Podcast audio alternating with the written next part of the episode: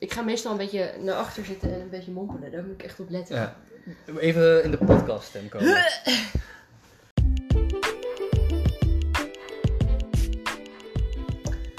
Je luistert naar de Zolderkamer podcast, waar normaal twee studenten praten over alles wat ze interessant vinden. Maar dit is een andere aflevering, want we hebben onze eerste gast, Wouter. We gaan vandaag praten over uitwisseling. Ik ben net op uitwisseling geweest en Wouter gaat over een maand op uitwisseling en Linde hopelijk over een jaar. Ze hebben allemaal verschillende perspectieven hierop. Laten we beginnen.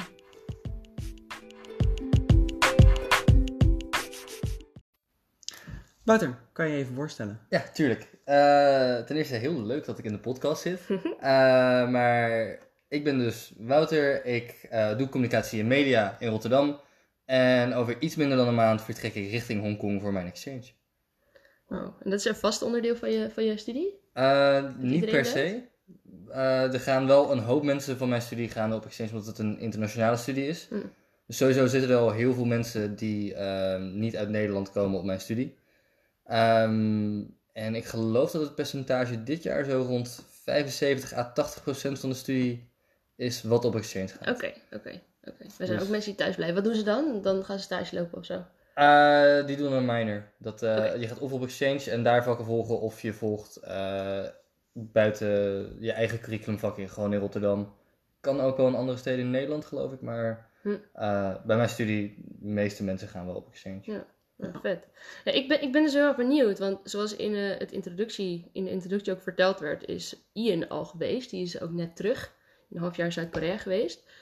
En ik moet nog. En eh, zoals het bij mij geregeld is, is dat er tijdens mijn studie zeg maar een periode is ingelast inderdaad, waarin je dus of naar het buitenland kunt gaan of je kunt een stage doen. Het moet wel een van de twee zijn. Mhm. En ik had al besloten, al heel vroeg, dat ik naar het buitenland wilde. Ehm, maar zoals heel veel van mijn medestudenten volgens mij, heb ik nog totaal niet goed nagedacht over wat het dan zou moeten worden. En daarom zou ik het wel interessant vinden om, nou ja, vooral van jou Wouter, omdat jij er nu binnenin zit, maar voor Ian, Ian kan het net zo goed beantwoorden, waar je die keuze op baseert. Ja, eh, Waarom Om, om überhaupt te gaan? Nee, Dat, want ja, daar goed, ben ik eerst daar- wel even benieuwd naar. Oké, oké, dat is misschien Want- goed. Laten ja, we daarmee beginnen dan in mijn, Ja. in mijn studie ehm, is, natuurlijk, is HBO is vier jaar en dan moet ik op uitwisseling. Dus voor mij Mhm. was het niet een keuze van ga ik een minor doen of ga ik een uitwisseling doen. ja. Ik moest. Ehm, maar ik ben benieuwd, waar, wanneer besluit je nou, ik ga op uitwisseling?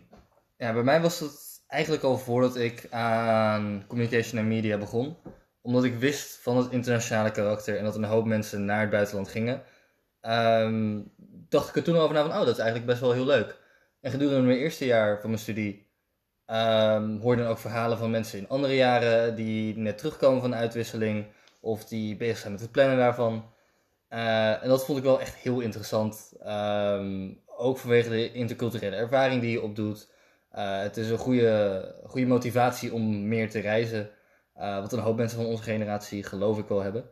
Eh, en ja, het, het geeft je de kans om een half jaar in het buitenland te wonen. En dat heb je niet vaak, want je reist vaak genoeg en je kan lange vakanties doen wat je wilt, maar echt ergens wonen en dag tot dag met de infrastructuur van die omgeving moeten dealen is compleet anders, denk ik. En Ja. dat vond ik heel interessant. Ja, Dat had ik ook. Het was voor mij ook, ehm, voor zover je natuurlijk een goede inschatting kunt maken van hoe je studietijd gaat verlopen, eh, van tevoren, was het voor mij ook wel, nou ja, vereiste zou ik niet zeggen, maar een heel groot pluspunt bij het zoeken naar studies, dat ik eh, de mogelijkheid had om naar het buitenland te gaan. Ja, dus je had dat eigenlijk al besloten dat je op exchange zou gaan voordat je aan de studie begon?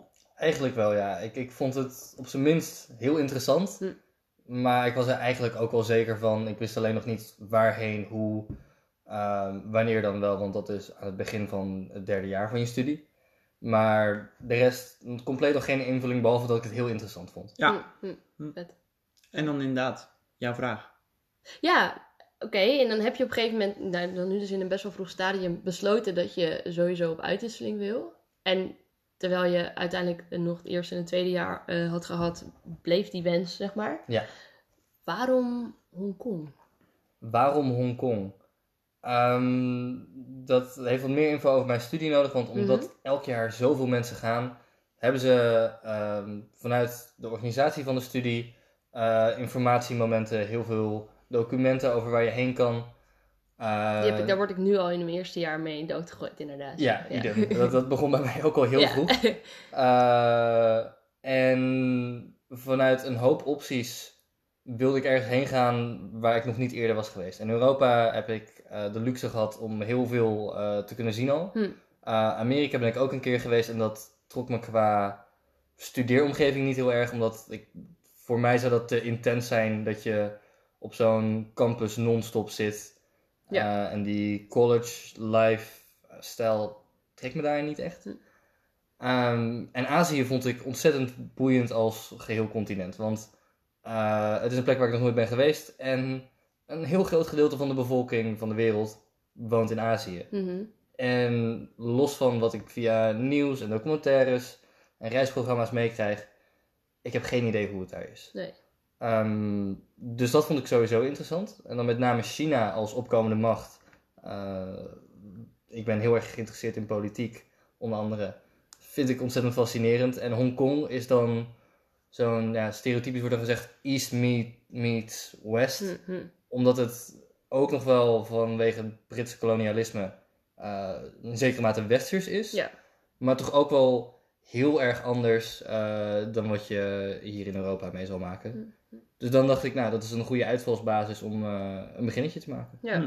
Kan, kan je ehm, voor de mensen die het niet zo goed weten uitleggen wat de situatie is? Waarom Hongkong politiek gezien zo interessant is? Ehm, heel kort samengevat is eh, Hongkong wel China, maar ook weer niet.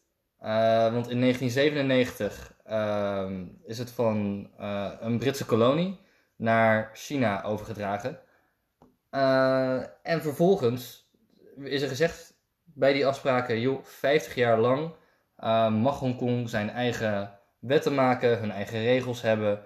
Ehm, ze hebben een grens. China is eigenlijk wel een soort van de baas over Hongkong, maar ze mogen niks doen met die macht voor 50 jaar. Eh, zodoende heb je One Country, Two Systems. Dus wat in China eh, verboden is, eh, vaak gaat het eh, die kant op. Niet dat er. Niet andersom. ja, niet andersom. Ehm, in China mag je bijvoorbeeld niet, kan je niet op YouTube of Google. Foto's van Winnie de Pooh. Winnie de Pooh. dingen over Tiananmen Square Massacre in eh 89 kan je allemaal niet vinden eh, vanwege de internetrestricties Ja, daar. Wacht even. Ja, Winnie de Pooh snap jij niet. Ja, En Winnie de Pooh wordt altijd vergeleken met eh, de president, of Oh. Ja. Xi Jinping. Xi Jinping. ehm, er werd ooit een meme op het Chinese internet geplaatst van hey, hij lijkt een beetje op Winnie de Pooh. Ja. Vonden een hoop mensen heel erg leuk, Oh nee. maar Xi Jinping zelf niet. Alle, alles, foto's, alles wat te maken heeft met Winnie de Pooh kan niet gevonden worden in Zodat je er geen memes mee kunt maken. en Ja, zo. ja. Wauw, Ja, dat, dat autoritaire regimes. Hey. Het is wel Maar- grappig, want het lijkt wel een beetje op elkaar. Ja. het is wel echt zo. Ja, het, is- het is wel echt. Ja, maar Misschien het is zegt ook zo wel- serieus. Het zegt ook wel heel veel dat hij het zo serieus neemt, denk Ja. ik. Ja. Ja, maar in Hongkong ja, heb je die restricties niet. Hm. Eh, hetzelfde met het eh, social credit score systeem wat China aan het implementeren is. Dat, Ja. dat je een score krijgt hoe, hoe goed jij bent als burger, of je illegaal door rood loopt, of jouw rekening op tijd betaalt. Heb je in Hongkong niet. Je hebt gewoon een stuk eh, meer traditioneel, traditioneel vrijheid in Hongkong. Ehm, terwijl je wel, ja, ik zit 15 kilometer bij de Chinese grens vandaan. Mhm. Als ik een weekendje Dat is naar ook echt de Shenzhen... Chinese grens, zeg maar. Ja. Dat is ook echt hoe dat dan... Oh ja, er is ook echt een grens. En ik weet niet meer hoe het precies zit. Maar als je de ene kant op gaat, duurt het 15 minuutjes. De andere kant op 2 uur. Dat, eh, Hmm, ja. Ja. ja. het, eh, het, het zit wel zo dicht bij China. En China probeert ook wel heel veel macht uit te oefenen. Door bijvoorbeeld het volkslied voor het 8 uur journaal te plaatsen in Hongkong. Ja, ja, ja. Eh, af en toe verdwijnen er mensen in Hongkong. En waarom het vooral nu zo politiek interessant is, is omdat er ook demonstraties bezig zijn eh, tegen de machtsuitbreiding van China. Ja. Ehm, met alle dingen die daarbij kijken van China die dan weer eh, dat, dat soort van de kop in wil drukken tot burgers die eh, tot 2,1 miljoen mensen aan toe gaan protesteren. Ja. En een protest van 2,1 miljoen mensen op 7 miljoen inwoners is Dat bizar. is Dat is, ja. Ja. ja. Dus vandaar dat ik het heel politiek interessant vind. Hm. Eh, en dat eh, trok mij ook wel eigenlijk. Ja, en weet je hoe je zelf ook gaat wonen en in hoeverre je zeg maar gaat, gaat, een beetje gaat deelnemen aan toch ja, die samenleving als het ware. Want wat je vaak ziet, en dat viel me bij Ian op, daar zal hij vast misschien zo meteen wat meer over vertellen. Ehm, jij zat echt op een internationale campus en volgde vooral internationale vakken. Waardoor je ook minder dan dat sommige mensen misschien in de eerste instantie zouden verwachten, ehm, ook echt in aanmerking komt met de mensen die daar ook daadwerkelijk studeren en zo, omdat ze daar zijn opgegroeid en wonen. Ja, Ja. En hoe ver eh, is dat voor jou zo? Heb je, ook, heb je überhaupt al een woonplek? Weet je hoe dat, hoe dat gaat gaan al? Eh, ja, ja, dat is geregeld. Want ehm, je kiest, bij mijn studie kies je dan eh, van een lijst van 70 universiteiten, geloof ik, Ja. kies je je top 6. Hm, hm. de Chinese University of Hong Kong, waar ik heen ga, was mijn nummer 1 keuze. Ben ik ook geplaatst. En dan heb je al een beetje informatie eh, van verslagen van studenten die er jaren daarvoor heen gingen. Ja, ja. Is gewoon een document van vijf A4'tjes. Hm. Waarin ze kort uitleggen welke Oh. vakken ze hebben gedaan. Ja. eh, hoe housing geregeld was. Ja, de, dat is fijn. de Die uit- spit je wel helemaal door dan. Dat had ik ook wel gewild. Ja, die- spit je Ja. wel helemaal door, ja. Ja, dat had jij niet in. Nee, dat had ik niet. Oh. Ik heb ongelooflijk veel zitten zoeken. Ehm, want je wil gewoon over mensen horen die het gedaan hebben. Ja. Ja. Hoe was dat nou? Want ja, ik kon daar dus echt niks over vinden. Hm. Terwijl er wel elk jaar, weet ik het, 5000 internationals zijn bij de universiteit waar ik heen ging. Dat is echt superveel. Ja. Dat is echt hun ding, zeg maar. Eh Ja. Pronken ze mee. Maar ehm, ik nog heel even tussendoor, wat Ja. waren de andere zeven of Ja. zes? Eh, de andere vijf. Vijf. eh, de, ehm, ik weet niet meer welke volgorde het exact had. Maar ik had eh, alle vier opties die ik in Hongkong had. Die stonden bovenaan. Ja. Want ik wist sowieso, ik wil naar Hongkong. Ah, oké. Ja. En Chinese University of Kong- Hongkong was een restricted choice. Hmm. Dus eh, daar was het moeilijker om binnen te komen. Ja, wil je dan ook meer? Wil je dan ook meer Had ik ook. schaarste. Ja. eh, ja. Eh, ik geloof dat ik vervolgens twee in Japan had staan. Maar dat was meer pro forma om. Ja, ja, om aan die, Ja. om, om Ja. aan dat nummer te komen. Ja, je moest ook een wildcard doen, een, een locatie waar nog niemand heen was gegaan omdat ze nieuw zijn. Oh, Eh, dus ik had een uh, Wow. eentje in de outskirts of Tokyo, uh, een universiteit. ja, Noordpool. Had ik erbij staan, maar gelukkig eerste keuze gekregen. Fijn. En Had je daar nog invloed op zelf, denk je? Ja, ja we, het is dusdanig geregeld dat je ook soort moet solliciteren om naar een universiteit te komen. Dus je Mm. schrijft een motivatiebrief waarin je uitlegt waarom je naar de locatie wilt, wat, welke vak je aan die universiteit wilt volgen, eh, het financiële plaatje wat je hebt. Eh, en vervolgens mag je dat gaan pitchen. Dus ik had ehm, een video van een minuut gemaakt, want ze wilden dat het een creatieve pitch was. Oh, dus sommige wauw. mensen hadden hele spreadsheets, Krijg je dat posters. weer. Ja, Oh, ja, heel erg communicatie en media. Ja, dat er dan gelijk weer zo'n opdracht van wordt gemaakt. Ja. Daar heb ik, heb ik soms een beetje een hekel aan. Maar ja, ja, Ja. voor jou is het goed, want jij bent creatief jongen. Ja, dus ik had een video gemaakt eh, van een minuut waarin ik eh, uitlegde waarom ik naar Hongkong wil. En vervolgens dan nog één minuut eh, kort samengevat. Joh, dit is waarom ik gekozen moet worden Ja. om naar die universiteit te gaan. Mm, mm. Eh, dus het, het is niet dat je zomaar invult van nou, ik wil die en dan het aan lot Nee, overlaat. precies, maar nee. er is wel echt een systeem in.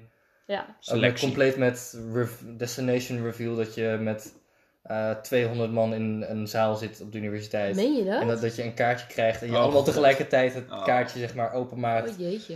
En zo, nee, ik mag hierheen. En oh, jij gaat er beetje ook heen. Amerikaanse praktijken. eh. Ja, eh, mijn studie houdt heel erg van ehm, community building. Oh god. Mm, Ook, ze maken heel veel woordgrappen met, met IPCOM, hoe de studie heet. ja. En dan IP Community. En vanaf dag één wil je daar al gewoon bij neervallen. Maar dat- ja, tot op zeker, het is wel grappig, maar het is ook wel van, ja, we Mm. snappen. nee, ja. Ja. Ja. Maar ga je op een campus wonen dan? Wat, wat heb je allemaal weten op te pikken uit die vijf A4'tjes? aan? Eh, ik heb uit die vijf en viertjes en de website van de universiteit en alle dingen die je opzoekt. Want ook al hoef je niet heel ver te zoeken, je blijft wel heel veel zoeken. Want je wilt Ja, altijd ja, zoveel mogelijk zoveel informatie mogelijk je wilde hebben. gewoon Ja. mee bezig zijn. Ja. Ik Ja. had het echt. Ik Ja. heb echt zulke stomme YouTube filmpjes gekeken van mutsen die campus tours doen. Ja. Ja. Ja. En dan eigenlijk drie keer hetzelfde filmpje kijken of zo. Ja. Ja, Ja. maar, Ja, maar je weet nooit hoe het gaat zijn. En Nee. ik denk dat je ook, zeker als je thuis bent, ik vermoed dat jij dat ook nu al voelt, dat je je niet kunt voorbereiden eigenlijk bijna. je voelt je heel onvoorbereid. en ja. of het allemaal mis gaat lopen. En dat zal waarschijnlijk wel niet. Ja. Maar je springt wel een beetje diep in. Ja, ja. Ehm, Maar wat ik uit al die documenten en informatie haalde, was dat je drie soorten hostels hebt. Eh, want Hostels. Ze, ze noemen het hostels. Het zijn eigenlijk accommodatiegebouwen on campus. Hm.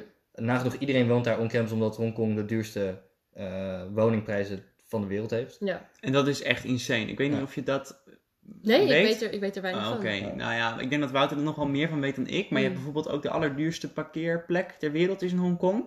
Dat is 160.000 dollar Per? Voor, voor een parkeerplek. Gewoon Per jaar. om te Om te kopen. kopen. Je Oh, moet kopen. gewoon de Ja. grond kopen. Ja. En eh, ja, je hebt er ook cage living en zo. Appartementje. Ja. Dus dan heb je een, je hebt een cage, zeg maar.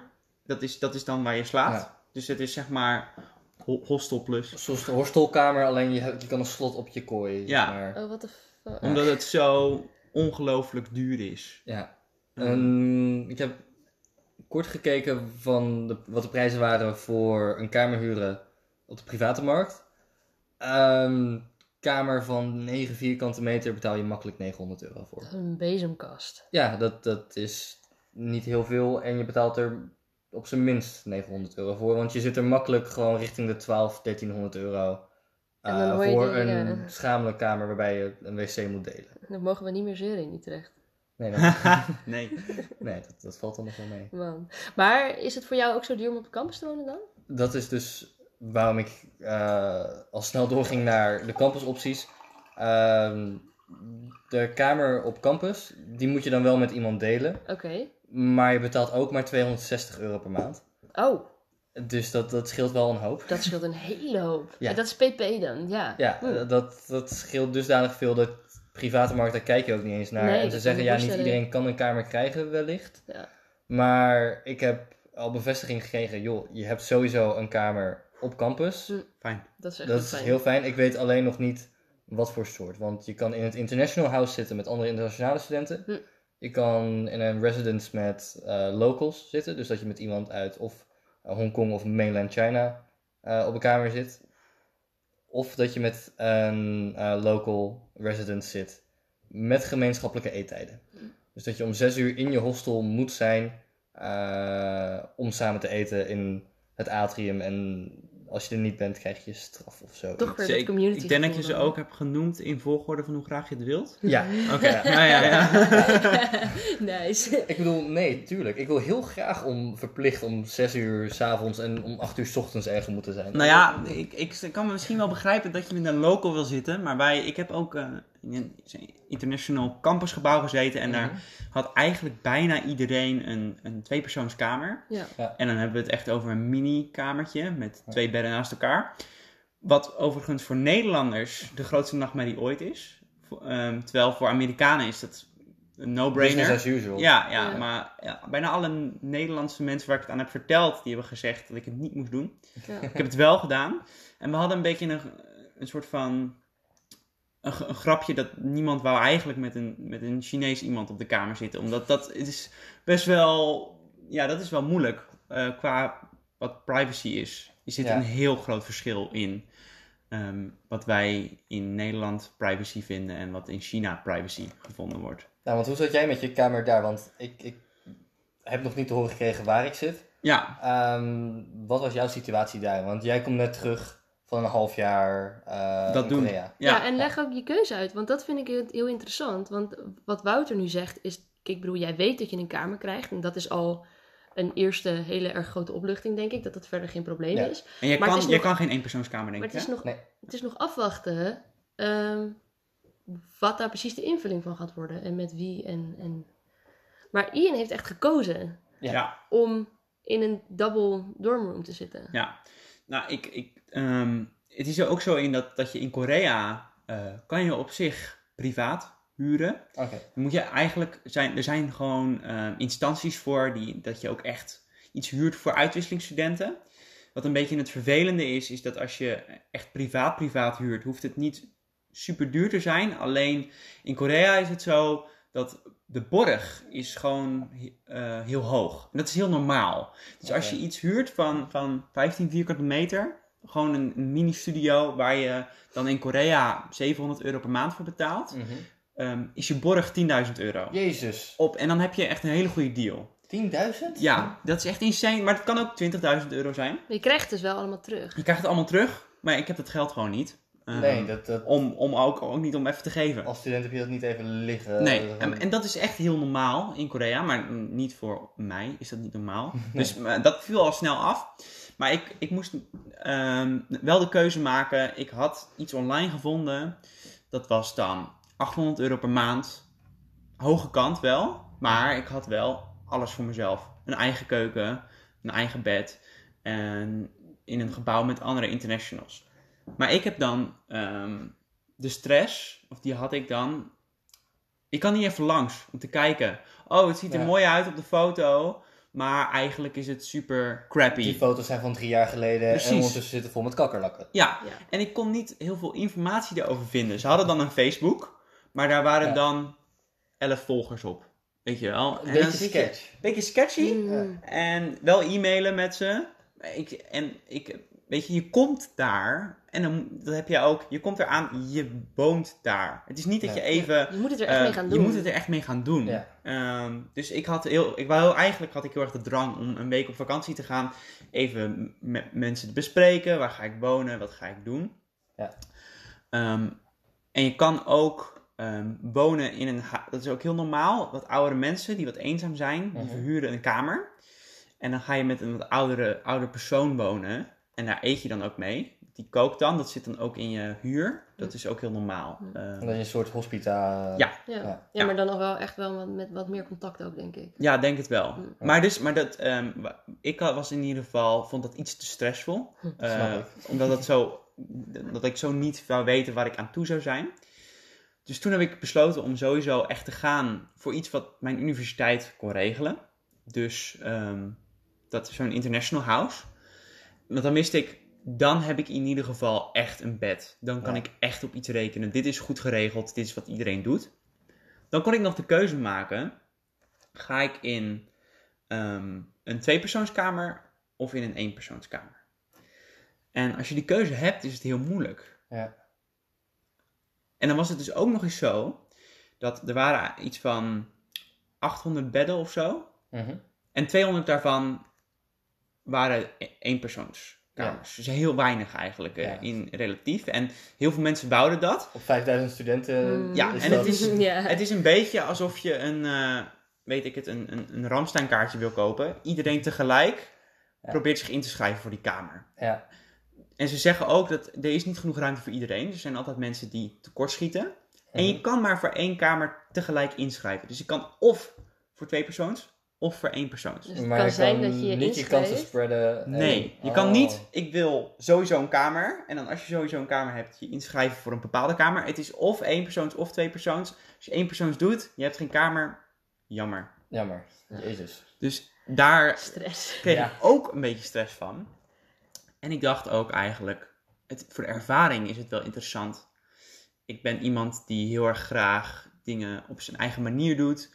Ehm, een beetje gestrest kan raken van dingen niet onder controle hebben. En ik dacht, misschien is het wel goed als leerproces om in een kamer te zijn, in een situatie te zijn waar ik heel weinig controle heb. Hardcore. Hardcore. Ja, gewoon even compleet discomfort opzoeken Ja. en stresstestje. Wat kan ik aan als iemand die graag zijn eigen dingen Ja. op orde heeft en zijn eigen planning kan maken? Ja, precies. Ja. Nou, dus zo is dat gegaan. Hoe is dat bevallen? Ik vond dat overigens trouwens, ik, ik ben redelijk dicht betrokken geweest bij dit keuzeproces. Ik heb het meegemaakt. En het was echt een proces. Het was Ja? echt een, het was een zwaar proces. Maar ik moet zeggen, nog steeds, en zeker ook toen, hoe verbaasd ik ben over dat je die keuze gemaakt hebt. Want ik heb jou als, als, als huisgenoot al een aardige tijd meegemaakt. En jij kan soms best wel heel erg stress krijgen, inderdaad. Van als je niet de goede situatie hebt waarin je kunt slapen of zo. Als, Ja. je, als je geluiden of dingen hebt, dat, dat, dat kan best wel heel veel invloed hebben op jouw humeur. Dus ik had zo niet verwacht dat jij in deze situatie zou kiezen voor een double dorm room. Ja, ik eigenlijk ook niet. Nog steeds niet. Ehm, ik heb het wel gedaan en ik, het, het zat in mijn hoofd echt als iets wat high risk, high reward was. Ja. Als je echt een super toffe vriend krijgt als huisgenoot, iemand die je super aardig vindt, is het super gezellig, weet je wel. Je hebt altijd iemand om aan het eind van de dag even mee te praten. Ehm, en, en je hebt gewoon een, een, een toffe ervaring, zeg maar, daaraan. Het is bijna iets extra's, een extra element aan je exchange. Ja. Maar het kan ook je hele exchange beïnvloeden. Dat Ja. je gewoon met iemand zit die heel hard snurkt. Of altijd zit te smakken. Of ehm, elke nacht dronken om vier uur s'nachts Ja. binnenkomt. En dit gebeurt echt. Ik heb een jongen gehad, ehm, was een vriend van mij daar, die had een huisgenoot. Mhm. Die meerdere keren per week belde die aan omdat zijn pas niet werkte om binnen te komen, maar was het altijd zijn bankpas waar die, waarmee hij binnen probeerde te komen. Hij heeft, ja, hij heeft gehad dat zijn huisgenoot in zijn bed aan het slapen was toen hij Oh. thuis kwam. Hij heeft gehad dat hij wakker werd en dat er twee mannen in zijn kamer waren ehm, die met elkaar in bed liggen, lagen in plaats van één. Ehm, en niet alleen aan het liggen waren, uiteraard. Ja. Ehm, en, en Nou, dat soort dingen allemaal. gecommuniceerd Of iets dergelijks. Daar werd dus niet over Oh, gecommuniceerd en dat, dat gebeurde allemaal. Ehm, ja, en dat is gelukkig die jongen eh, was echt de meest lieve, aardige ehm, jongen die echt daar heel goed mee om kon gaan. Kijk, Mhm. Ik ben het tegenovergestelde. Ik eh, hou van eh, lekker slapen, gecontroleerdheid. Hij is super relaxed, super losjes. Dus Ja. dat is goed gegaan. Uiteindelijk heeft hij gezegd, als je het nog één keer doet, dan, weet je, want dat zijn gewoon dingen die niet mogen. Dan, weet je, report ik je of zo. Hij heeft het een keer opgenomen dat dat, het toen is misgegaan, zeg maar. Mhm. Dat er weer iemand, een extra iemand in zijn bed lag. Hij zei, ik wil het gewoon niet meer. Ja. Vanaf toen is het ook goed gegaan. Maar ja, dus dat was, zat in mijn hoofd. Ik had allemaal doemscenario's. Ehm, maar ik dacht, oké, het, ko- het komt vast, komt het goed. Uiteindelijk heb ik heel veel geluk gehad. Want ik had eigenlijk, ik had best case scenario. Ik had iemand ehm, die in mijn vriendengroep zat daar. Iemand die tot zichzelf is, relaxed is, geen geluiden maakt. Oh, fijn. Ja, heel fijn. Zeker met jouw slaappatronen van vroeg op en Ja, Ja, staan. ja. en- Het is alleen, het was 40 het, het enige nadeel. Oh ja, 40 zijn. Ja, ik ben, en dat is het nadeel. Ik heb heel erg een, een ritme. Mijn natuurlijke ritme is vroeg naar bed en Ja. vroeg opstaan. En hij had het tegenovergestelde.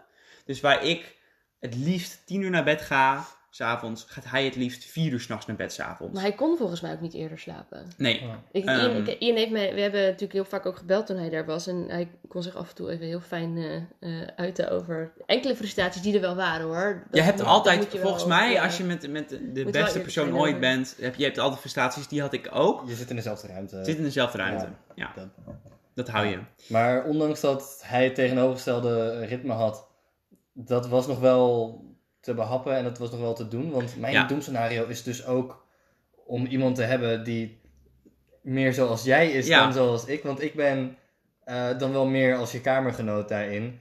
Ik ga ook gewoon graag naar bed wanneer ik moe ben. En ik word gewoon s'avonds, ik word niet moe. Ja, Eh, ah, had hij dus ook. en dat lijkt me dan wel heel erg als ik lastig. Lijkt me wel lastig als ik dan met iemand zit die om 10 uur naar bed wilt en om 6 uur op wil staan. Ja. Om vervolgens ehm ochtend-yoga te doen Ja, eh, in de badkamer. nee, precies. Ja. Dat, dat lijkt me heel Ja, lastig, snap ik. maar dat is wel Eh, gelukt. Nou ja, dit, dat is het dus. Het, is, het komt allemaal aan op aanpassingsvermogen. En kijk, ik vind het heel erg fijn. Dus wat, wat ik heb gedaan is, ten ten eerste heb ik me aangepast door altijd op zijn laatst 11 uur naar bed te gaan. Of op zijn vroegst, sorry. Op zijn vroegst 11 uur, ja. Op zijn vroegst 11 uur. Dus ik, ik probeerde echt voor mijn huisgenoot soms die 1 uur aan te tikken. En dat, dat ja, vind ik soms lastig. Maar weet je, hij vindt het ook lastig om de lichten uit te hebben om 11 uur. Ja. Dus dat ten eerste. Ten tweede, als hij gewoon... Hij mag gewoon natuurlijk naar binnen en naar buiten komen. Dat vind ik niet erg. Als hij om 4 uur s'nachts naar binnen komt, ik word daar wakker van. Vind ik helemaal prima. Ehm, en ik hou er ook gewoon rekening mee dat als ik vroeg naar bed wil, dan vind ik het fijn dat de lichten uitgaan. Ja. Maar als hij laat naar bed gaat, zorg ik ook dat de lichten 's ochtends niet aangaan. Dus dan pak ik mijn boeken en dan ga ik in de gemeenschappelijke ruimte studeren in plaats van in mijn kamer. Ehm, Maar dus je moet gewoon bereid zijn om rekening met elkaar je te moet houden. bereid zijn en dat moet van twee kanten komen. Ja, En er moet niet Ja. iemand zijn die soort van dominant is. Of dat jij bijvoorbeeld zou zeggen, ja, maar ik, ik ga gewoon op tijd naar bed en ik sta om zes uur op. En dat jij dat dan zo kan neerzetten als dat het een gezonde levensstijl is. Ja. En dat jouw huisgenoot dus eigenlijk... ehm, Ja, en, ik voelde ook echt aan dat het ehm, echt een, zeg maar, je doet het samen. Ja. Dus als ik, ehm, als hij ziet dat ik mijn best doe om nog een uurtje langer op te blijven, dan vindt hij het ook de dag erna. En hij ziet dat ik om tien uur s'avonds moe ben, zegt hij ook tegen mij, doe maar lekker licht uit hoor, het is prima, Ja. weet je wel. Ga maar lekker slapen, joh. Eh, Ja. Maar het is, Ja. het is wat je. ehm, het, het heeft natuurlijk ook met meer te maken. Want wat met hem zo moeilijk maakte ook. Is wij hadden van die TL-lichten in mijn kamer.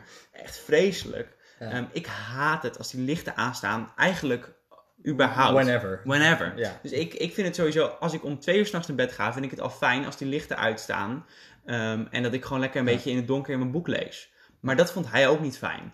Dus kijk, als je natuurlijk het niet erg vindt om in het donker op je laptop te zitten, dan heeft je huisgenoot er geen last van als hij probeert te slapen. Oh, dat scheelt inderdaad. Nee, dat, ik, ik heb ook vaak gewoon een lamp naast mijn bed die aanstaat bijvoorbeeld. Maar, oeh, vrijwillig had hij zeg maar TL... Ja? Ja. Echt, zo, het, is- het- dat is een van mijn eh, irritatiepunten, dat weet Linde ook best. Ehm, het was soms zelfs zo dat het ochtend was, en met ochtend bedoel ik dan 11 uur, Mhm. en dat mijn huisgenoot het liefst alles dicht had, alle ramen dicht, eh, alle blinds dicht en de TL-buis aan. Dan word ik echt helemaal gek. Oh, maar dat snap ik, want dan...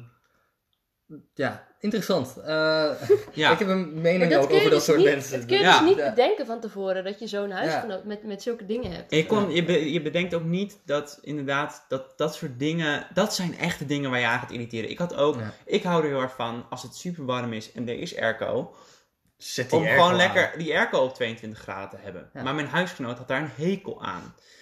Ehm, dus dan krijg je Ja. ook een beetje een spelletje van, oh, weet je, als hij de kamer uitgaat, dat zou je wel merken. Als je huisgenoot de kamer uitgaat, dan kan je opeens doen wat je zelf wil. Ja. Dus dan ga je het opeens alles heel snel veranderen. Dus dan gaat mijn huisgenoot, gaat een half uur weg, blinds gaan open, licht gaat uit, airco gaat op 20 graden. En dan komt hij binnen en dan, weet ik het, doet hij de airco uit of zo. Dus dan Ja. krijg je een beetje zo'n spelletje.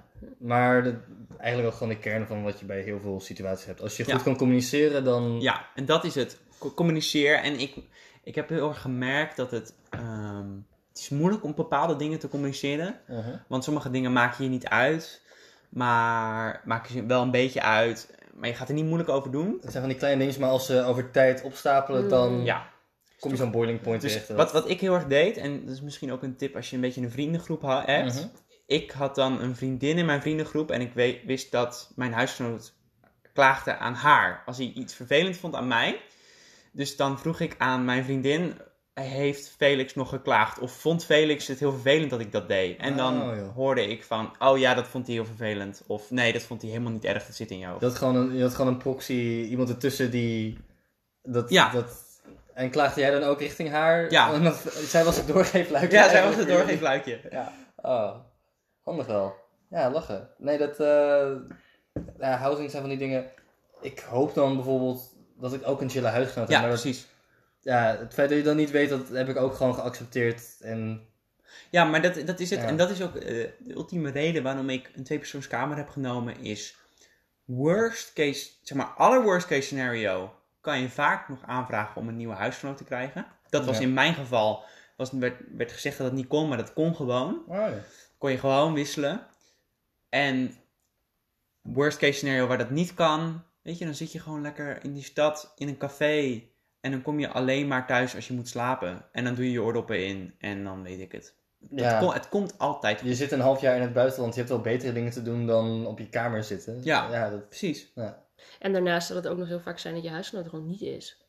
Dat hij gewoon college heeft op andere tijden dan Ja, jij. maar daar Ja. moet je dus ook een beetje geluk mee hebben. Want ik had dus eh, een, eh, een vriend die een huisgenoot had waar hij niet super blij mee was. En dat was een jongen die eigenlijk ehm, alleen maar gamede. En die zat dus altijd in zijn kamer. Mm. Oh my Ja, Dus die vriend die had heel erg behoefte om soms even alleen te zijn. Maar elk moment dat hij in de kamer was, was zijn huisgenoot er ook. ja, en Dat zeker als iemand zijn. aan het gamen is, eh, vind ik sowieso interessant dat Ja. je dat doet als je op exchange bent. Maar dat, ja. Ja, dat was echt eh, Overwatch. Constant. Ik ben ook wel eens op die kamer geweest. eh, maar dat was echt, eh, ja. ja, ja, want dan zit ook iemand op Teamspeak of, of Discord of whatever. Ja. En dan is hij ook gewoon met teamgenoten aan het praten of, of vrienden. Maar sowieso dat geklik, dat ja, Ja. dat hoor je ook als je Oh. gewoon... Ik hoop niet dat hij mechanisch toetsenbord had, dat je zeg maar Nee. zo eh, worst nightmare. even de ASMR. dat je dat hebt. Ja, Ian, dat, wat is die naam ervan? Hoe noem je zo'n... mechanical keyboard. Ja, Ian heeft zo'n ding. Ik word er Ik heb een mechanical helemaal gek keyboard. van. Echt. Ah, Ja. Dat wordt nog wat. eh, Echt woordneigingen van. Ik ben een beetje aan het bijhouden. Als ik 10 seconden tik, dan wordt Linde zo boos. Ik ben nog nooit langs de halve minuut gekomen. Maar het is ook gelijk, hè? Ja. Als, het, als, al ben ik in een andere ruimte, dan ga ik gelijk op zoek naar ja. een heel hard tegen je. Soort jouw Pavlov belletje om boos te worden. Ja, Ja. ja, ja. ja, Maar hoe, eh. Ja, hoe, hoe kijk jij er tegenaan als je nou de keuze had gehad? Je kan voor een eenpersoonskamer gaan. Het is 400 euro in plaats van 240 euro. Dat was ongeveer het verschil bij mij qua prijs. Wat zou je dan doen? Als ik de optie had gehad voor dat geld dan lastig. Ik, ik- denk dat ik dan misschien wel voor de eenpersoonskamer was gegaan. Ja. Want ook al ben ik er alleen maar om te slapen en te douchen, bij wijze van spreken.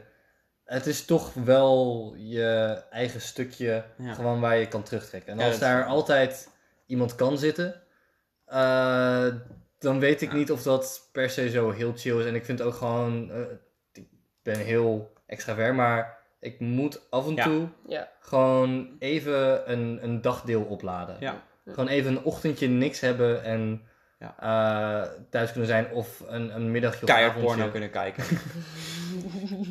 Lacht zenuwachtig. Lacht zenuwachtig.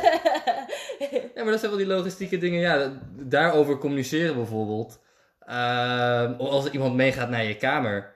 eh, je moet maar net een huisgenoot hebben die daar eh, ook chill over kan communiceren. Dat je ook zegt van, joh, eh, als je iemand meeneemt, WhatsApp het even. eh, Of WeChat het Ja. even dan. Maar dat... Bij mij was dat trouwens echt ehm, een soort van 1984 stilo stressvol. Nee, ehm, het was zo dat, dat ze hadden ongelooflijk strenge regels Ja? over ehm, het andere geslacht in de kamer. Oh. Überhaupt Dus- in het gebouw volgens mij, of niet? Dat is echt een verdieping. Ehm, ja, je mag dan, het andere geslacht mag op je verdieping komen, want we hadden dan een mannelijke verdieping, een vrouwelijke verdieping. Tot 11 uur, s'avonds. Daarna mag het ook al niet meer. Maar als jij mijn huisgenoot bent Mhm. en jij laat iemand in de kamer ehm, en jij wordt gepakt, dan ben ik ook de lul, als ik het wist. Als je het wist. Ja, Oké, dus... dus als ik het niet zeg en ik weet het, dan word ik net zo goed uit mijn kamer gezet als jij. Dus Wat voor NSB-praktijken Ja. zijn dat nu weer? Echt insane streng. Wat? En ik, eh, ze waren ook echt, je wordt gelijk het huis uitgezet, was het idee. En ik eh, kende toevallig een eh, paar stoute jongens die ehm, dat wel eens deden. Dus die, ehm, wat ze dan deden is, dan hadden, waren ze natuurlijk eh, lekker gaan uitgaan. En dan het makkelijkste was dan met een eh, vrouw die ook in het gebouw woonde. Dan, voordat ze het gebouw binnenkwamen, deden ze haar een van hun hoodies aan zodat het een beetje lijkt op een jongen. En dan kap omhoog. En dan naar boven. ehm, je ding doen. En dan pas de volgende dag weer terug. Dus eh, dat is dan het makkelijkste. En dan weer die hoodie aan. En Zieke mensensmokkel. ja, Ja, het klinkt heel erg als groep 8 kinderkamp. Oh, we gaan proberen naar de meisjeskamer te komen. ja. ja dat was het. Ja, Ja. maar wat wel vet is, is dus, eh, volgens mij hebben de Koreanen die dan inderdaad ehm, in, in, in, in Seoul ook zaten, daar heel goed op ingespeeld. Want daar waren wel speciale hotels voor opgericht allemaal. Ja. Ja, want, dat jij hebt, het jij hebt Ian ook opgezocht. Ja, Lin ik is ben niet in mijn kamer geweest. Ik ben niet in Ian's kamer geweest, maar ik, ik ben inderdaad voor, voor de luisteraar eh, precies in het midden van Ian's uitwisseling twee weken langs geweest. Eh, en toen hebben we inderdaad apart een Airbnb geregeld. Ja. Ik ben wel in het gebouw geweest. Ik mocht met een bezoekerspas naar binnen. En ik ben naar zijn verdieping, verdieping? geweest. Maar Ian heeft de deur open gedaan. En ik mocht er even zo naar binnen gluren. En dat was het. De policy is echt dat als een, iemand van het andere geslacht een voet in de kamer zet, dan ben jij evicted. En ze hebben mij verzekerd dat dat echt serieus is. Ja, En ze hangen ook camera's op om facial recognition te kijken. Is dit een Ja. vrouw? Is dit een man? Ja. En er was ook eh, geen alcohol in de buurt van het gebouw al zelfs. Je hebt Zo. dan een bepaalde gebied van het gebouw. Ja. Als je daar eh biertje hebt, dan word je ook uit het gebouw gezet. Jemig. Eh, ze hadden wel geen eindtijd, wat wel fijn was. Je Hm. mocht altijd naar binnen komen. Heb Dat je mensen gehoord die eruit gezet werden omdat ze de regels hadden overtreden? Ik heb wel ehm, gehoord van mensen die voorgaande jaren. Oké. Oké. Want dan was dus, eh, wat, wat er was gebeurd is, ehm waren twee meisjes met een gedeelde kamer en één meisje had een vriendin langskomen. Hm. Ehm, die bleef slapen in die kamer. Mhm. En dat mag ook niet. En toen zijn ze allebei uitgezet, want dat andere meisje wist ervan. En die is er toegelaten. Oh, wauw. Maar dat is zo'n verhaal dat je hoort. Ja, dat is zo'n studentenverhaal van... Ja, er is een keertje hier... eh, Er is een keertje iemand op middelbare school met de werkweek, heeft hij alcohol gedronken en toen moest hij Ja. terug met de bus. ja, ja, precies. Ja. Van, van die verhalen die dan rondgaan en denk je van... Ja, dat zou wel kunnen, maar... Prima. Je mocht op de laatste dag van Parijs niet mee naar Disneyland. ja, precies. Oh, nee. Maar, ehm, dus, ehm, wat zijn de regels waar jij gaat wonen? Zijn er regels? Eh, zou ik niet uit mijn hoofd weten. Er zijn wel regels. Ehm, maar dat verschilt ook geloof ik per gebouw. Want ehm, een vriendin van mijn huisgenoten, die is naar dezelfde universiteit geweest. Eh, en ik heb ook haar, haar een keer gevraagd van, joh, hoe zit het daar? En uitgehoord eh, wat zij daar nou had meegemaakt. Ehm, en dan hoor je bijvoorbeeld over dat de hele campus mag niet gerookt worden. Eh, en als mensen het toch doen, dan doen ze dat altijd voor International House 3. Eh, omdat daar eh, geen eh, bewaking langskomt of zo. Ehm, Dat is de appendix van de vijf pagina's. ja, maar eh, er is nog een hoop uit te vogelen over die universiteit. Want dat is het verschil met Nederlandse universiteiten wel. Deze universiteit heeft zijn eigen buslijnen. Hij heeft, Oh, hij heeft oh. gewoon een eigen busdienst. Er zijn dus een zes of acht verschillende buslijnen die 24-7 over de campus gaan. Omdat het ook op een heuvel is gebouwd. Ja. Ja, Dat had ik ook. Ik had ook een bus. kilometer is eh, qua terrein. ja, ja, Ja. ja. ja. Die heb je wel gezien, denk ik, hè? Die bus op campus. Of niet? Maar ik had ook een bus Nee. die Ah. Nee. rondjes maakte gewoon. Ehm, en dan heb ik een vraag over die regels. Mhm. Wat heb je liever? Dat er regels zijn over mensen meenemen naar de kamer en mensen die blijven slapen? Mhm. Of geen regels?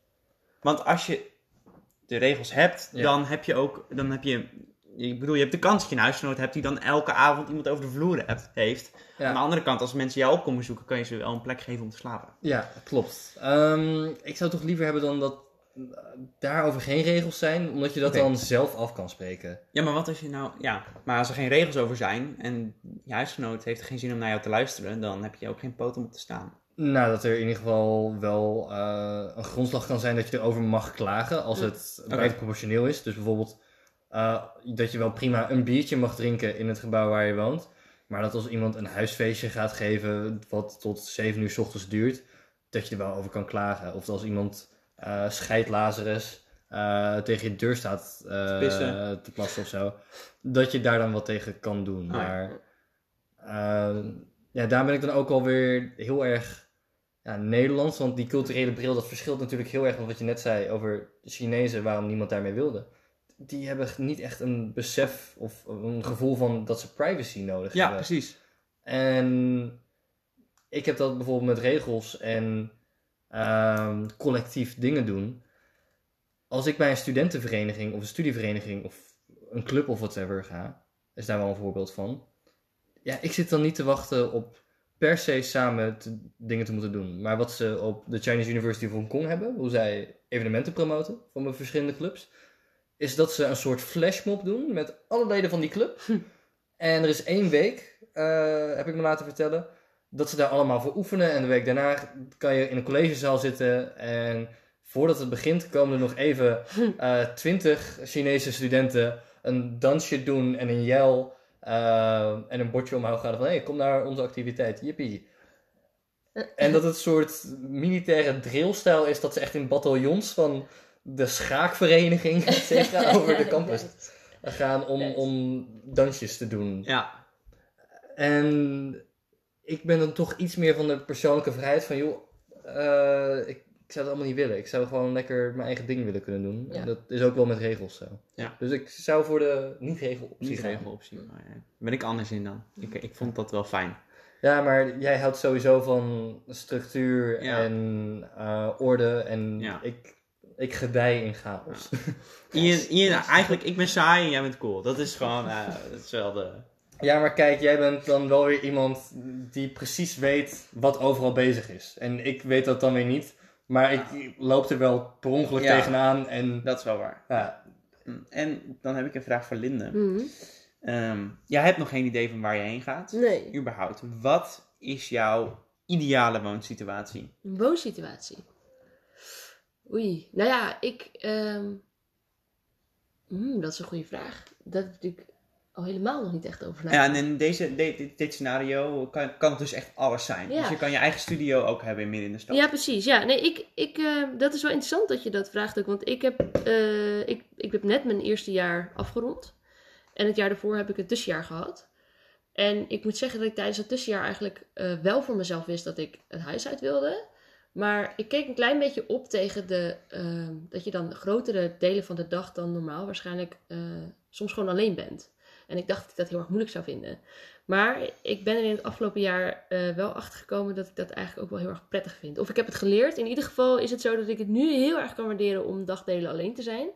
En dan heb ik net als Wouter dat ik dan bij mezelf zou denken: ja, maar ehm, misschien kan het wel helemaal niet als je met twee mensen in één kamer zit.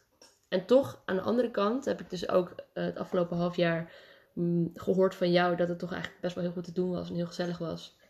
En dat je, ehm, dat je eigenlijk veel beter afging dan dat je verwacht had. Ik, ik denk eigenlijk ehm, dat als het eenmaal zover is, dat ik er dan niet al te veel over na ga denken.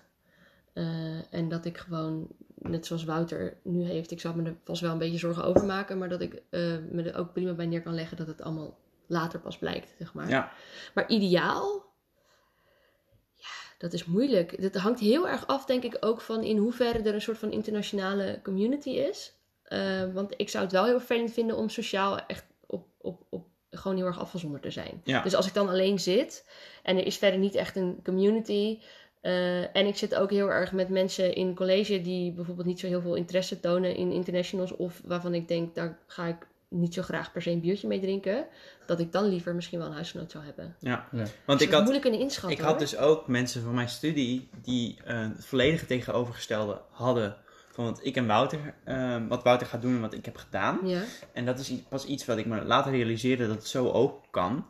Ehm, die ging naar Bangkok. En dat is natuurlijk best een goedkope stad Ja. om in te wonen. Dus die hadden gewoon een super luxe Airbnb appartement voor Wauw. 2000 euro met z'n tienen gehuurd. Hadden een eigen zwembad. Allemaal een eigen kamer met Oh, een wauw. king size bed. En dat, die, die hebben gewoon iets van 200 euro per maand betaald. En die hadden gewoon een kookeiland, weet je. Midden in de stad. Zo kan het ook. Daar Ja. zo, wow. Ja, maar dan, die hebben waarschijnlijk van tevoren, hadden ze al een soort vriendengroep of zo. Die Ja. gingen allemaal naar dezelfde plek. Want dat is niet iets wat je kunt doen als je alleen plannen hebt om Ja. naar Hongkong te gaan en bij jezelf te, te zeggen, zo Ja, maar van, dat- oh, ik ga dat huren en het komt wel vol of zo, weet je Ja, maar dat gebeurt wel veel. Want er zijn natuurlijk gewoon wel veel... Voor, voor ons Westerners is dat heel goedkoop. Ja, Ehm, Afhankelijk van het land waar je heen gaat, Ja. of het kan. of het kan, maar dan heb je gewoon een Airbnb-kamer of zo. Maar die hadden dus ook elke dag een huisfeest. Met z'n allen. ja. ehm, tot vier uur s'nachts.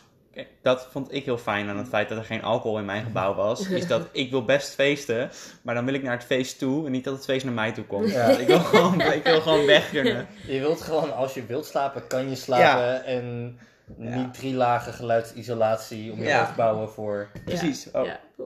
Ging bijna glas water. ja, ik heb ook nog wel een vraag voor jou, Linde. Mm. Ehm, want je hoort nu een beetje van Ian die naar Korea is gegaan eh, en ik die dan naar Hongkong ga. Mhm. Ehm, welke kant zou jij op willen qua exchange? Want je vindt het wel interessant, maar heb Ja. je al enige oriëntatie gehad op waar je heen kan? Ja, nou ja, ik, ik zeg wel steeds dat ik het helemaal niet weet, maar ik denk er natuurlijk wel over na. En Mhm. ik heb ook wel inderdaad een bepaalde richting in mijn hoofd. Ehm, wat ik eigenlijk vanaf halverwege mijn eerste jaar in mijn hoofd had zitten, is dat ik heel graag naar Iran wil. Ehm, ik, ik hou me ondertussen bezig met internationale betrekkingen en ik heb me in mijn eerste jaar veel verdiept in islam. En ook in conflict en islam, conflict, het Midden-Oosten. Gewoon heel die, heel, die, heel die hoek, zeg maar. En ehm, dan moet ik zeggen dat toen nog niet eh, van alles aan de hand was met de VS ook. Ja. Ehm, dat is allemaal nieuw dan natuurlijk. Maar ik eh, ben er toen ook direct onderzoek naar gaan doen. Ik dacht, ik als Iranier kan in ieder geval een beetje naar het Midden-Oosten. Ehm, alleen mijn universiteit heeft geen lijntje met de universiteit in... eh, ik had dan Teheran gevonden. Het leek me het meest voor de hand liggend. En Mhm. dat betekent dus dat er geen werkelijke uitwisseling tussen studenten plaatsvindt. En dan moet je het zelf gaan regelen. En dan betaal je zowel je eigen collegegeld Als institutie geldt daar. Exact. Nou is dat niet heel erg duur, maar toevallig dan in Teheran. Alleen het is wel ongelooflijk veel gedoe om het ook te regelen en om de housing dan te doen. En dus ik moet zeggen dat ik nu niet zo goed weet of ik dat ehm, een goed idee vind. Daarnaast is het ook nog eens zo dat het een land is waar je het eh, als vrouw ook niet altijd even makkelijk hebt. Zo is het Nee. bijvoorbeeld zo dat je als vrouw niet in je eentje een appartement mag huren daar. Eh, of tenminste, dat mag wel, maar dat wordt dan heel vaak door je buren niet gewaardeerd. Omdat het soort van de gedachte heerst dat vrouwen die alleen een appartement huren een bordeel op gaan zetten. Dat heb ik, eh, dat, dat is, Huh. snap je? Dat wil je is- niet het, wordt, het wordt je niet makkelijk gemaakt. Ja, het wordt je niet Nee, makkelijk gemaakt. En tenzij je de diplomatieke expat-bubbel in kan, Ja, maar wordt het heel lastig. dat, dat zie ik inderdaad ook niet echt gebeuren. Dus ik, ik moet zeggen, of ik moet daar nog even heel goed over nadenken. Maar ik had ook alweer bij mezelf bedacht dat het misschien slim is om een beetje verder te kijken alvast. Ehm, andere plekken in het Midden-Oosten is eigenlijk allemaal hetzelfde verhaal mee. Alleen ehm, heeft eh, mijn universiteit nog wel banden met, met, met Israël. Volgens mij Haifa en... eh, Dat wil je toch niet eigenlijk? Maar dat trekt me dan weer minder. Dat is de andere zijde soort van, Ja. van dat conflict in de regio. Want, Exact, ja, ja. Dus eh, toen dacht ik bij mezelf, hé, hey, ik had plannen, alleen nu denk ik dat het eigenlijk niet gaat lukken. Dus eh, moet ik even voor mezelf opnieuw bedenken wat ik precies verwacht van die tijd. Ja. Eh, en het lijkt me bijvoorbeeld ook wel heel interessant om ehm, een nieuwe taal te leren. Dus ik heb ook al gekeken naar plekken waar, nou ja, Spaans wordt gesproken. Ik, waar had ik het over Mexico bijvoorbeeld. Eh, maar ook dat komt niet helemaal nog lekker eh, van de grond of zo in mijn, in mijn denken daarover. Ja. Ik had alleen wel laatst bij mezelf dacht, ehm, misschien is het ook wel goed om voor mezelf te bedenken ehm, of ik ook daadwerkelijk wel wil studeren. Ik heb alleen die periode te besteden eh, in het buitenland en ik weet dat ik naar het buitenland wil. Mhm. Alleen, ehm, onder, ehm, hoewel het in andere landen vaak zo is dat je ook echt een eh, belangrijk deel van je major in het buitenland doet, is het Mhm. bij ons zo dat je eigenlijk meer een soort van. Je gaat erheen, maar het maakt lang niet altijd uit wat je precies voor vakken volgt, zeg maar. Had ik ook. Ja. Ehm, en toen dacht ik bij mezelf, als mijn studie voor mijn gevoel toch zo kort is, is het misschien beter om die tijd iets eh, beter te besteden of zo, zeg maar. Dus ik ben nu ook een beetje, ik ga binnenkort onderzoek doen naar ehm, eventueel bijvoorbeeld stage of zo in het buitenland. Want ik heb maar één periode te besteden, dus het is voor mij of buitenland of stage. Mhm. Eh, en ik denk, ja, ik dacht eerst ik wil sowieso naar het buitenland. Alleen stage is ook wel heel erg waardevol. Ja. Dus misschien is het verstandig om het te, om het te combineren. Eh, Oh. Maar dat zijn allemaal dingen die ik nog moet uitzoeken. Ik, ik Ja. ben er niet helemaal over uit nog verder. Ik weet niet of het makkelijk is, of het haalbaar is, of het, en, en waar dan. En, Ja, want de tijd die je op exchange doet, ook al is het een academische exchange, je bent lang niet altijd bezig. nee, daarom. Ja. En hebben we nog tijd om daar het over te hebben? Qua... Ik vind dat we zo lang door kunnen gaan als dat we zin hebben. als we maar- willen. Prima. Eh, want qua vakkenselectie, die heb ik er net op zitten. Ik heb bevestiging gekregen. Ah, Joh, top. Ja, ik Ja, wilde inderdaad ook horen van je. Wat, ga je. wat je precies gaat doen. Dat is, dat is ook wel... Ja, vertel. Oké, ehm, oké, dan vertel ik het eerst wel even wat ik ga doen dan. Ja. Ehm, want bij mijn studie is de regeling dat je minimaal 10 ECTS-punten voor eh, academische vakken, die moet je halen binnen je eigen curriculum. Ah, Ehm, en je moet er 30 volgen? Ehm, ik moet, in totaal moet ik 30 punten halen, ja. En 10 daarvan moeten in mijn eigen curriculum. Eh, nou, per vak eh, heb je in Hongkong qua exchange rate van wat hun puntensysteem is, heb je 6 ECTS Ja. per vak. Had ik ook. Eh, dus ik moest er twee in mijn eigen curriculum doen. Eh, dat is gelukt. En dat is wel interessant, want ik heb dan communicatie en media als curriculum. Maar fotojournalism valt daar ook nog onder. Oh. Dus qua vakkenselectie zit ik eh, met photojournalism, eh, Rise of China, dat is dan diplomatieke Mm. relatie van China. Oef, interessant. Vet. Eh, ja, ehm, nog China's business environment in historical perspective. Wat heb ik nou nog meer qua vakken? Ehm, ik heb één postgrad vak, die ook een communicatievak is, dus die ga ik sowieso doen. Ja. Ehm, wat over ehm, internationale betrekkingen gaat. En dan meer echt op het communicatieaspect daarvan. Ja. Eh, en voor de rest heb ik er nog een paar die ik even niet meer uit mijn hoofd Hm, weet. hm. Oh ja, ehm, film. Eh, East Asian film genres. Aha. En dat zijn dingen die ik zelf heel interessant vind. Maar Ja. ik snap waarom iemand anders dat pretpakket vakken. Nee, maar noemen. ik moet zeggen, eh, ik, ik, ik zat even nog inderdaad net weer te denken over hoe ik dat precies zei. Ik moet het wel goed zeggen, het, waar het me vooral om gaat. Het is zeg maar niet zo dat ik, dat ik denk dat het allemaal pretvakken zijn die je volgt. Mhm. Maar het is meer dat ik gewoon maar een beperkte tijd te besteden heb. En Ja. die zo goed mogelijk wil indelen, zeg maar. Maar als ik jou nu zo hoor over de keuze die je gemaakt hebt, dan moet ik zeggen dat ik daar toch ook wel weer heel erg in geïnteresseerd raak, ja. Ja. Dat is nieuwe... Nou, het voordeel, over na het voordeel aan ehm, vrije keuze is dat je het natuurlijk zo serieus kan maken als je wilt. Ja. Je kan, bij mij, op mij op de universiteit kon je ook yoga volgen. Als Maar- vak. Als vak. Ja, dat was dan eh, hoe je... eh, het was yoga plus hoe je yogales moest geven. Maar je kon ook eh, baseball en eh basketballes krijgen. En de grap is dus, die Koreanen zijn er super serieus in. Want Mhm. als je dus baseball volgt, dan krijg je dus ook een toets waar je bijvoorbeeld spelersnamen moet kennen uit Korea. Oh, en, hemel, regels moet kennen. En dan word, dan word je gewoon op een cijfer, moet je gewoon een toets maken. Wauw. Wauw. Maar dat heb ik niet gedaan, want dat, dat mocht niet in, van mijn universiteit. Ah. Ehm, ik wou bijna yoga doen, ehm, gewoon als extra. Ja. Mhm. Maar dat viel niet in mijn eh, vak. Ik ken mensen die het gedaan hebben, ja. Hm. Ja, nee, bij mij is dan fotojournalism, dat bestaat ook, geloof ik, voornamelijk uit het leren kennen van hoe een camera werkt. Oh boy. Voor echt de helft van het, het vak. En eh, voor de luisteraar die het niet weet, ik ben freelance fotograaf en videograaf. Dus die eerste paar weken wordt voor mij vooral een leuke vrijdagmiddag Ja, de stad ja, in om ja. foto's te maken. Ja, ja. Met mensen die ik dan dingen uit kan leggen. Dus dat ik haast ja, een soort het uit ga leggen aan Hm, medestudenten. hm, Ja, ja. Ja. En dat is ook wel fijn dat ik de tijdsindeling ook al gelijk kon zien. Hm. Wanneer welk vak is. Eh, dus ik heb het nu zo voor elkaar dat ik eh, in totaal zes vakken in drie dagen heb. Oeh, lekker. Wow. Eh, dus ik heb een vierdaags weekend. eh, van eh, vrijdag, eind van de middag, tot eh, dinsdag heb ik helemaal niks. dat is echt wel heel relaxed. Heel lekker. Ja. Heb je verplichte aanwezigheid? Eh, ja, bij de meeste wel. Alleen zijn dat eh, colleges. Dus het is heel anders dan de Erasmus Universiteit. Eh, omdat je ja, in Nederlandse onderwijssystemen heb je vaak bijeenkomsten waar je moet zijn en input moet leveren. Ik weet nog niet hoe dat in Hongkong gaat zijn. Hm. Wellicht is het allemaal hartstikke interactief. Wellicht is het gewoon 2,5 uur luisteren naar iemand die dingen over iets vertelt en aantekeningen bijhouden voor de eindtoets. Eh, dat weet ik echt compleet nog niet. Hm.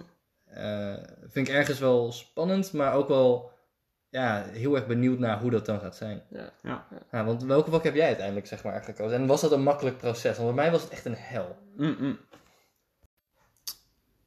Ik, ehm, ik had de regel, of ik heb de regel, dat ik moest, ehm, ik mocht alleen maar vakken kiezen die iets te maken hadden met business.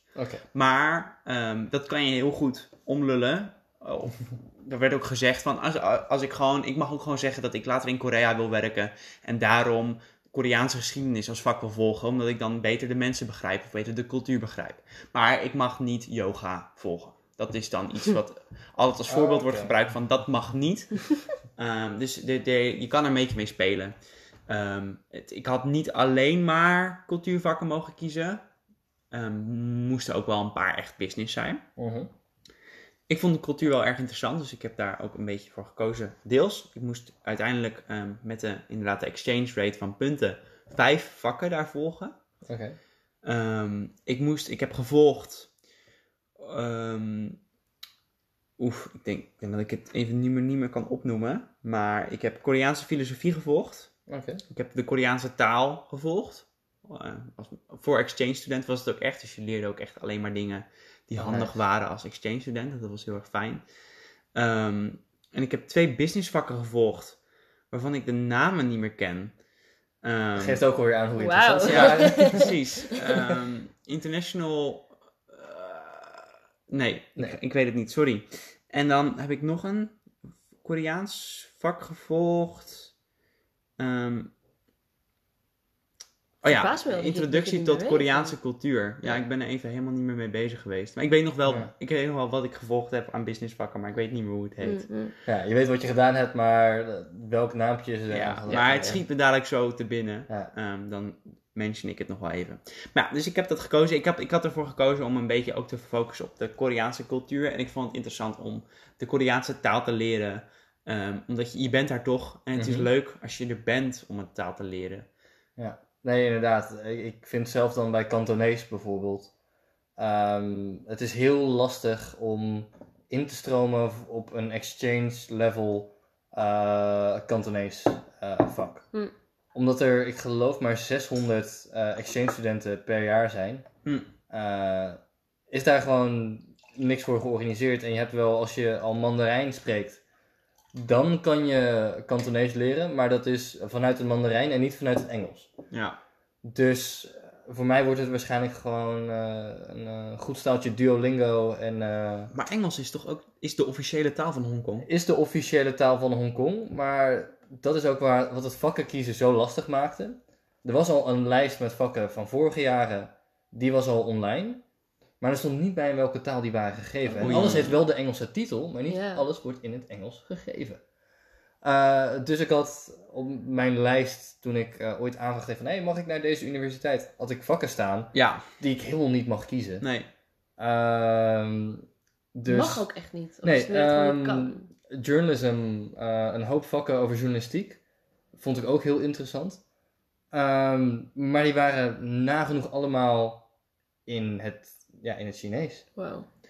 Er was eh, bij mij ehm, op de universiteit waren er aardig wat vakken die ehm, in het Engels gegeven zouden moeten worden. En dat waren dan eh, gewoon vakken voor. Want wij, wij, ik had een, eh, was een verschil tussen. was een set van vakken die alleen voor internationals waren. Mhm. Dus introductie tot Koreaanse cultuur, weet ik het. Ja. Dan gaat het over de, de vlag, het volkslied, eh, de nationale dans. Dat is allemaal niet interessant voor Koreanen zelf. Ja. Dus dat was alleen voor eh, internationals. En vakken die iedereen van... Ik ben naar Yonsei Universiteit gegaan. Dus iedereen die van Yonsei eh volgt, die gewoon de mensen die normaal een engineering of business pakket hadden, die kozen er dan voor om dat vak in het Engels te volgen voor hun cv of gewoon voor hun Engels. Ja. Ehm, die vakken mocht je ook kiezen, je mocht allebei kiezen. Mhm. Een vriend van mij, ehm, die, zat, eh, die deed engineering. En dat was een vak wat in het Engels gegeven zou moeten worden. Maar hij was de enige international. Dus het vak, en de dus de docent was niet, of de professor was niet heel erg goed in het Engels. Dus dat is gewoon in het Koreaans gegeven. En, Dus hij zat daar en de powerpoints waren in het Engels. Maar hij kon niks meekrijgen van wat er gezegd en wordt. hij, hij was bij dat vak wel gebleven? Of? Ja, hij heeft er toen iets van gezegd. En ehm, op dat moment kon er niet meer geswitcht worden met vakken. Oh, wat erg. En hij zei er dan wat van. En dan werd het 10 minuten ging ze over in het Engels. En dan dacht hij, oh oké, het gaat goed. En dan na een kwartier werd er weer in het Koreaans gepraat. En, en dat is de, de, een van de beste universiteiten van Korea. Ja, Eh, Oké. Ja, Ja, Oké, Heeft ja. hij het vak gehaald? hij heeft het vak gehaald, maar dat eh, kwam... Ja, hij heeft voor de laatste toets een goed cijfer gehaald. Ah, Maar ehm, een, een andere vriend van mij, eh, die had de toets was opeens in het Koreaans. Oh, dat is, dat is denk ik nog wel naarder. Ja. Shit. Dat je eh, gewoon maanden denkt, prima, Ja. goed. En dan, oké, hoe gaan we dit ontcijferen? Ja, dus dan had hij eh, de TA, de, die, de studentenassistent, Ja. die, eh, die heeft alle vragen voor hem vertaald. Wow. Jemig. Maar hij, mocht hem, eh, hij heeft er daarna ook nog wat van gezegd. Hij mocht hem opnieuw maken. Met een nieuwe versie. Oké, Oké, chill. dat- maar dat was wel- wel drie dagen nadat hij eigenlijk klaar was met de toetsweek. Dat is wel kut. Ja, dat is wel naar, ja. Maar ja, dus eh, dat soort dingen zijn er wel gebeurd. Ja. Ik vraag me nog wel wat af. Wouter, wat ga je sowieso meenemen? Oeh, nee, maar dat, ja, ik, eh, mag, ik, mag, ik, ik had een vraag die eigenlijk hetzelfde is. Maar die ik net iets leuker vind. Oké. Je mag vijf dingen meenemen. Alleen maar vijf dingen. Wat neem je mee? Alleen maar, oké, alleen maar kleding. vijf dingen. Ja. Inclusief kleding? Ook voor jou daarna. Ehm, Of, of gaat het over ar- gebruiksartikelen? Want kleding, dan zeg ik gewoon, vijf t-shirts. dan zeg ik schoenen, een broek. Nou, oké. Nee, maar kijk, nee, maar je geen kan kleding. Geen luister, kleding. Oké. Ik denk dat je beter, zeg maar, je hebt gewoon alleen maar een rugzak die je mag vullen met je eigen spullen. Voor de rest kun je alles daar kopen. Ja, maar kleding is saai. Ja. Maar ik heb het eh, andere dingen. Echt over dingen die echt mee moeten, zeg Ja. maar. Oké, ehm, dingen die echt mee moeten. En dan zou ik de vijf belangrijkste, die zou ik Ja. eerst Ja. even doen. Eh, en dan ga ik door, want ik heb, nou trouwens, ik heb helemaal niet heel veel spullen die ik mee wil nemen. Ehm, mijn telefoon. Eh, die moet sowieso mee, want ik eh, kan er een simkaart, ik kan er twee simkaarten in doen. Mm. In totaal. Dus ik kan gewoon mijn Nederlandse nummer houden en bereikbaar zijn via WhatsApp. Chill. En een lokaal nummer, zodat ik genoeg op het internet kan. Ja. Ehm, daar ga ik heel veel gebruik van maken, want eh, ook al is de officiële taal ook Engels, Ja. niet iedereen spreekt Engels. Nee. Dus al zit je in een restaurant of al wil je iets kopen, eh, het is handig om dat gewoon bij de hand te hebben. Mm. Ehm, mijn laptop gaat ook sowieso mee, puur gewoon voor eh, werk daar. Dat ik daar notities kan nemen en alles bij kan houden. En mijn foto's kan bewerken, want dat is de Mhm. volgende. Ik neem mijn camera mee. Hm. Eh, ik hou echt van fotografie en Hongkong is bizar interessant, want het is eh, zo verticaal en groots en het doet echt New York soort van in het niets ver, Ja, ja. Moet je voor dat journalistiek vak ook zelf een camera meenemen?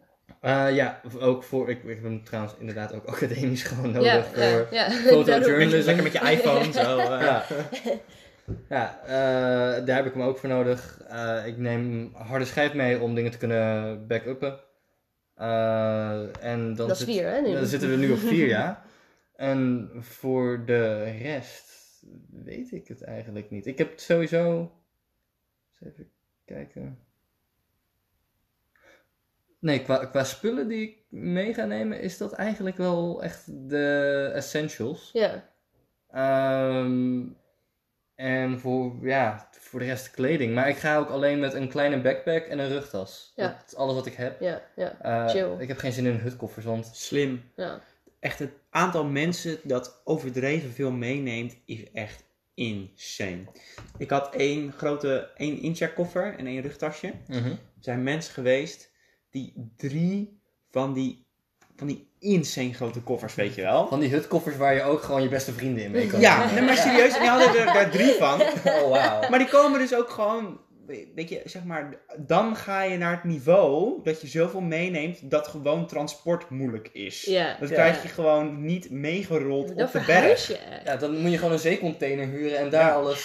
Terwijl je eigenlijk maar een paar maanden gaat. Het is Ja. eigenlijk helemaal niet zo heel lang. Ik bedoel, Ja, maar je hebt het ook allemaal niet nodig. nee. Je hebt daar ook winkels. Ik heb er echt van genoten dat ik gewoon ehm, vijf t-shirts en twee broeken en een blouseje had. Weet je? Ja. Het is ook gewoon geen tyfuszooi automatisch, Ja. want je kan er geen zooi van maken. Nee, en dingen als eh, handdoeken en zo. Ja, ik, ik moet toch langs de Ikea daarvoor beddengoed. Ik koop wel een handdoek. Precies. Ja, ja. Weet je? Ja. En die kan je dan ook gewoon aan het einde weer weggooien. Ja. Ja, want het, eh, na afloop ben ik ook van plan om nog een maand te gaan reizen. Want in februari hoef ik pas weer te beginnen in Rotterdam. Mm. Eh, en in december, eind december ben ik al klaar. Oh. Dus Prima. ik moet ook gewoon Ja, dusdanig weinig bij me hebben. dat had ik ook. een trein kan pakken eh, zonder logistieke operatie Ja. van tevoren hoeven, Ja. hoeven te plannen. Ik Maar ben ook, ik ben ook gaan reizen voordat ik eh, naar Korea ging. Dus ik, heb, ik moest dat ook. Ehm, ik heb het dan iets anders gedaan. Dus wat ik, wat, ik ben naar Sri Lanka gegaan. Daar wou ik echt geen rolkoffer hebben.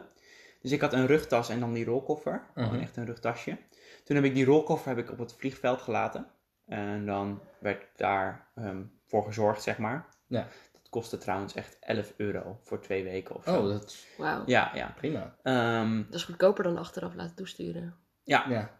Dat heb ik ook nog uitgezocht. Ja. En toen, en daarna ben ik naar eh, Tokio gegaan en daar had ik alleen maar één hostel. Dus ik kon het gewoon al die koffer daar laten. Hm. Maar echt, mensen nemen dingen mee. Ja. Boy. Ja. Maar wat was Wat is het gekste wat je hebt gezien, zeg maar, wat iemand had meegenomen? Dan denk ik van, Oh, dit is niet nodig. Ehm, nou ja, hele computer setups. Iemand had een PlayStation 4 meegenomen en die had een scherm gekocht Oh mijn, in Korea. Die had, ja, dat was wel wauw. toppend. Dat, dat, enerzijds, het is wel toewijding, maar Ja, je gaat, je gaat op exchange. ja, Dan zou ik toch Ja. ook zeggen, zoek hulp. ja. Maar Ja. Maar wat was nu, als je erop terugkijkt, wat waren voor jou de vijf dingen waar je het meest plezier van gehad hebt die je hebt meegenomen? Ehm, mijn laptop, mijn e-reader, mijn oordopjes, mijn nacht, eh, een ding voor mijn ogen, Slaapmasker. slaapmasker, tegen de TL-buizen. ja, tegen de TL-buizen. Ehm, ja, mijn telefoon, uiteraard. Mhm. Ja, dat waren wel echt de dingen waar ik heel blij mee was. Ehm, Oordopjes is een goeie. Die ga ik oordopjes, ja. Ik heb, eh, even op. Het is, eh, ik, ja, wij, wij hebben sowieso, wij hebben het al over gehad, we hebben een ander slaapritme. Ja. Ehm, maar ik heb oordopjes op maat laten maken. Slaapoordopjes op maat. Dat kostte iets van 100 euro. Elke euro waard geweest. Dat is zo chill. Eh, elk uur Aan te slaap raden. wat je had kunnen verliezen is gewoon eruit Ja. gekomen. Ja, dat... echt aan te raden. Ja, Oké, dat is wel een goeie. Dat zijn gewoon oordopjes, weet je, want ik vond het dan gewoon, wat ik dan deed is dan, mijn huisgenoot ging uit. Ik wist niet wanneer hij terugging. Ik ging om een uur of twaalf naar bed. Gewoon die oordoppen al in voordat hij binnenkomt. Ja. Slaap ik gewoon door. Makkelijk, makkelijk. Pro tip. Maar die zijn volgens mij zo gemaakt dat je het niet voelt als je op een oor ligt, zeg maar. Nee, dus Dat die zijn top, ja. een beetje naar binnen toe. Dus je Oh, voelt ze niet. Dat is wel beter, ja. Mm. Ja. Ja. Nee, en, en als je nu nog een keer zou gaan en denk ik, ik zou nog meer kunnen meenemen. Je, je bent heel blij, geloof ik, met hoe je het aangepakt hebt. Ja, ja, ik ben heel blij mee. Ja, je, je- ik zit, je zit soms met, eh, want je zit zo erg met, met andere mensen die wel heel veel meegenomen hebben, dat je dan denkt van, oh, die persoon heeft drie jassen. Ehm, ik, wil me, ik, ik zou het ook wel leuk vinden om vandaag een keer een andere jas aan te hebben. Weet je, want Ja. ik, had, ik had één trui of zo. Ja. En ehm, ja, dan heb je op een gegeven moment zoiets van, oh ja, ik zou het ook wel leuk vinden om vanavond een beetje gek eruit te zien. Ja. Dat had ik wel. Ehm, en ook omdat je, ehm, had ik een beetje, je ontmoet allemaal nieuwe mensen. En ehm, die mensen kennen je allemaal niet van thuis. Dus die weten niet Dus- hoe leuke shirts Ja, zijn. maar dat, maar dat, is, dat voel je wel zo van, oh ja, weet je, ik heb ook wel gewoon een heel cool battle jacket met allemaal metal patches erop, weet je wel. Ik zou dat wel eens gewoon willen laten zien aan deze Ja. mensen, dat ik er ook zo uit kan zien. Ja. Ehm, dat had ik een beetje, maar uiteindelijk, ik, ik was gewoon heel erg blij met dat ik niet zoveel had. Ja. Ehm, dat ik aan het einde van de week gewoon weer dezelfde vier t-shirtjes in de wasmand zag. Ja. Terwijl mijn huisgenoot, ik ben op mensen op de kamer geweest die echt de zak van Sinterklaas vol hadden met kleding. Ja, nee, ik, eh, het wordt ook lastig om te kiezen wat je meeneemt qua, qua dingen. Want lange broek, korte broek, duidelijk, zwembroek, allee. Maar Je schoenen, je hebt, je hebt echt niet meer, ja, je, Ja. je hebt echt niet meer nodig. Van Nee. nieuwe slippers. Ja, als ze erbij passen, passen ze erbij. En anders koop ik ze daar wel voor 3 Ja. euro. Dat, dat Ik heb Ja. zonder slippers gedaan. ja, scheelt. Eh, want dat is het mooie wel aan waar ik nu heen ga. De IKEA is op 10 minuten rijden. Chill. En Hongkong Oei. heeft geen BTW. Daar doen ze daar niet aan geloof ik. Chill. Dus dat, je kan zo makkelijk dingen kopen en je hebt er alles, want het is een wereldstad. Ja. En dat had je bij Seoul ongetwijfeld ook. Ja, Dus eh, Zeker. dat zou ook mijn tip zijn aan jou, Linde. Ga vooral naar een wereldstad. Ja, dat is denk ik dat is wel een goeie. Ja. ja, want dat had ik ook. Ik wou... Mexico stond bij mij op de derde plek. En had ik ook heel vet gevonden. Het enige nadeel wat eraan was, het zat dus niet in de hoofdstad. Dan zit je gewoon in een of andere andere stad. En dan wel gewoon een vlucht van twee uur naar de hoofdstad. Die je dan moet pakken. Ik had het met Zuid-Afrika. Zuid-Afrika leek me heel interessant om daar te studeren ook. Maar de enige universiteit die zat letterlijk in the middle of nowhere. Dat was gewoon een, univer- een college town. Uh, alles was om die universiteit heen gebouwd. En al wilde je naar uh, Johannesburg, was het ook van drie uur rijden. Dat zijn dingen waar ik echt niet over na Nee, en dat is in ieder geval bij mijn universiteitenlijst kwam dat best veel voor. Dat je dan in een best wel goede universiteit zat, in een best wel vet land, maar op een hele andere plek. Hm. Ook in Japan waren er geen universiteit in Tokio, Nee? bijvoorbeeld. Nee. Wow. Oh, wel eh, echt alleen maar Tokio. Ja, ja, Ja, maar Tokio is dan ook alweer zo'n urban sprawl waar ik niet... Ja, je, ja, je, je kan alsnog twee uur van het centrum zitten Ja, en letterlijk op de kaart in hartje Tokio zitten. Ja. Dus dat- Nee, dat is waar. ja. Vijf dingen? Ik, vijf Ja. dingen die ik mee zou... Oei, oei, ja, dit, maar dit is, ja, dit is jullie natuurlijk. Telefoon, laptop, dat is het belangrijkste. Eh, ik denk ook inderdaad mijn noise cancelling headphones. Ik heb zeg maar van die ja. oortjes van Bose. Oeh, Maar dan niet zo'n grote headset, maar kleine in-ear oh, een eh, oortjes. En daar zit één dikke batterij halverwege het snoer. En als je die aanklikt, dan, eh, hoor je helemaal niks dan meer. hoor je helemaal niks meer. Dat is. Daar, die, die zou ik sowieso meenemen, anders dan zou ik Ja. niet, niet weten hoe ik dat zou moeten overleven. Maar ik heb het ook heel erg, ik, ik kan me heel erg eh storen aan geluiden. Ik heb eh, een beetje zelf gediagnosticeerd, maar ik heb misofonie en dat maakt dus dat je zeg maar echt angstgevoelens krijgt van bepaalde geluiden. We hadden het net over dat toetsenbord. Dat is niet echt een grapje, maar ik word er zeg maar echt of heel erg bang of heel erg boos van. Ja, Dus, kriegelig. Ja, gewoon heel, het is heel vervelend. Ehm, ASMR werkt ook niet bij mij. Daar word ik, word ik boos van. Snap je? Eh, ja.